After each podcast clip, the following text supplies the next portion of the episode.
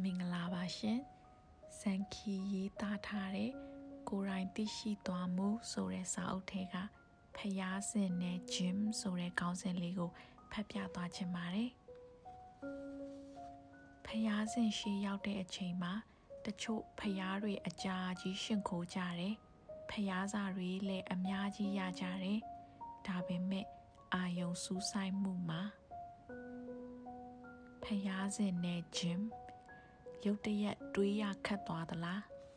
ကျွန်တော်ခဏခဏတွေးဖြစ်တဲ့ analogy ခေါ်နိုင်ရှင်မှုလေးပါဂျင်မှာစောတဲ့အချိန်နဲ့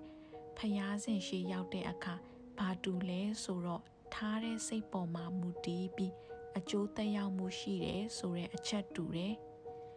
ဂျင်မှာကျွန်တော်တွေ့ဖူးတဲ့လူတချို့ဆိုရင်နှစ်နာရီသုံးနာရီလောက်စောကြတယ်ဒါပေမဲ့နီးစနစ်ကြကြမဟုတ်ဘူး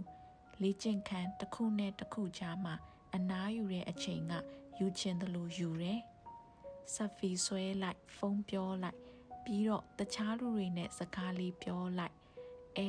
ပြီးမှလေ့ကျင့်ခန်းလေးပြန်လုံးလိုက်လာသေးတာကြာသွားတယ်ခန္ဓာကိုယ်မှာတိတိတတာဘာတိုးတက်မှုမှမရှိဘူးအဲ့ဒီလိုနှစ်နာရီသုံးနာရီလောက်အီးရောင်ဝါလောက်တာထက်နာရီဝက်လောက်ကိုပဲ အာယုံစူးစိုက်မှုအပြည့်နဲ့လုပ်တဲ့သူကအများကြီးထိရောက်တယ်လို့တိတာမှုလည်းအများကြီးကွာလိမ့်မယ်ဒီနေ့ရင်အုံနဲ့ကြောကိုအဓိကဆွဲမယ်ဆိုရင်တချင်းသားထောင်တက်ရင်လေ headphone တက်အသက်ဝဝရှူပြီးကိုတားကတ်ထားတဲ့ master group လောက်ကြွတာအဖွဲ့အစည်းတွေကို concentration စူးစိုက်မှုအပြည့်နဲ့အလုံးများများခိုင်းပစ်လိုက်ဟို အခုနာကပြောတဲ့အီးရောင်ဝါလှုပ်တဲ့လူတစ်နှစ်ပြေးလို့ဘာမှမထူးသေးတဲ့အချိန်မှာကိုကလုံးဝ fit ဖြစ်သွားပြီ stamina လုံနိုင်စွမ်းရော strength လုံနိုင်အားရောပိုတက်သွားပြီထိုနည်း၎င်းပဲ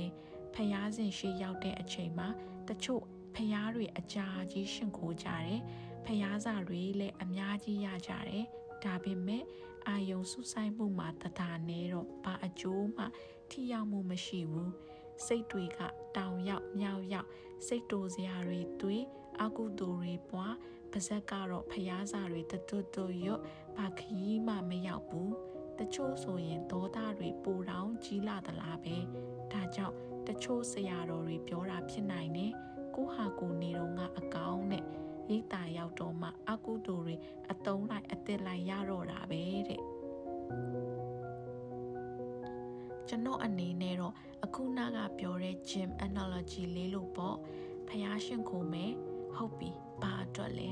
ကိုကိုကိုအရင်မေးအဲ့ဒီရည်ရွယ်ချက်ဟာရှင်းလင်းပြတ်သားနေဖို့လိုတယ်တာဝန်အရာ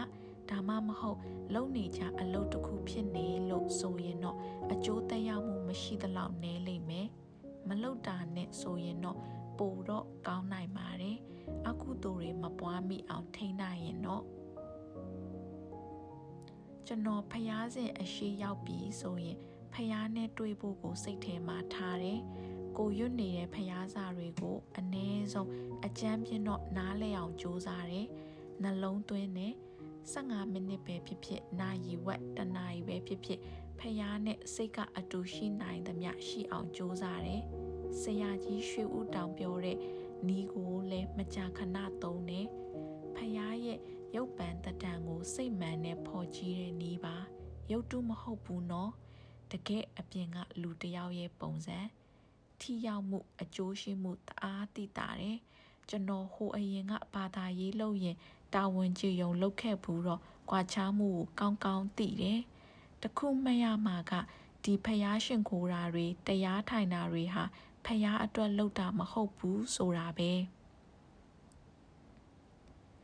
ဖျားတင်ပြသွားသမျှနီလန်းတွေဟာ သူ့အတွက်တခုမှမပါဘူးကျွန်တော်တို့တွေ self cultivate ကိုကိုကိုပြိုးထောင်လုံနိုင်ဖို့တတ်တတ်ပဲဒါကြောင့်ဒီနီလန်းတွေကို လိုက်နာကျင့်သုံးပြီးဆိုရင် တိုးတက်မှုတော့ရှိရလိမ့်မယ်ပုံမအေးချမ်းလာရမယ်ကြည်လင်လာရမယ်မေတ္တာဓာတ်တွေနဲ့ပိုထိတွေ့လာနိုင်ရမယ်ကိုကိုတိုင်းလည်းမေတ္တာဓာတ်တွေပေးနိုင်တဲ့သူဖြစ်လာရမယ်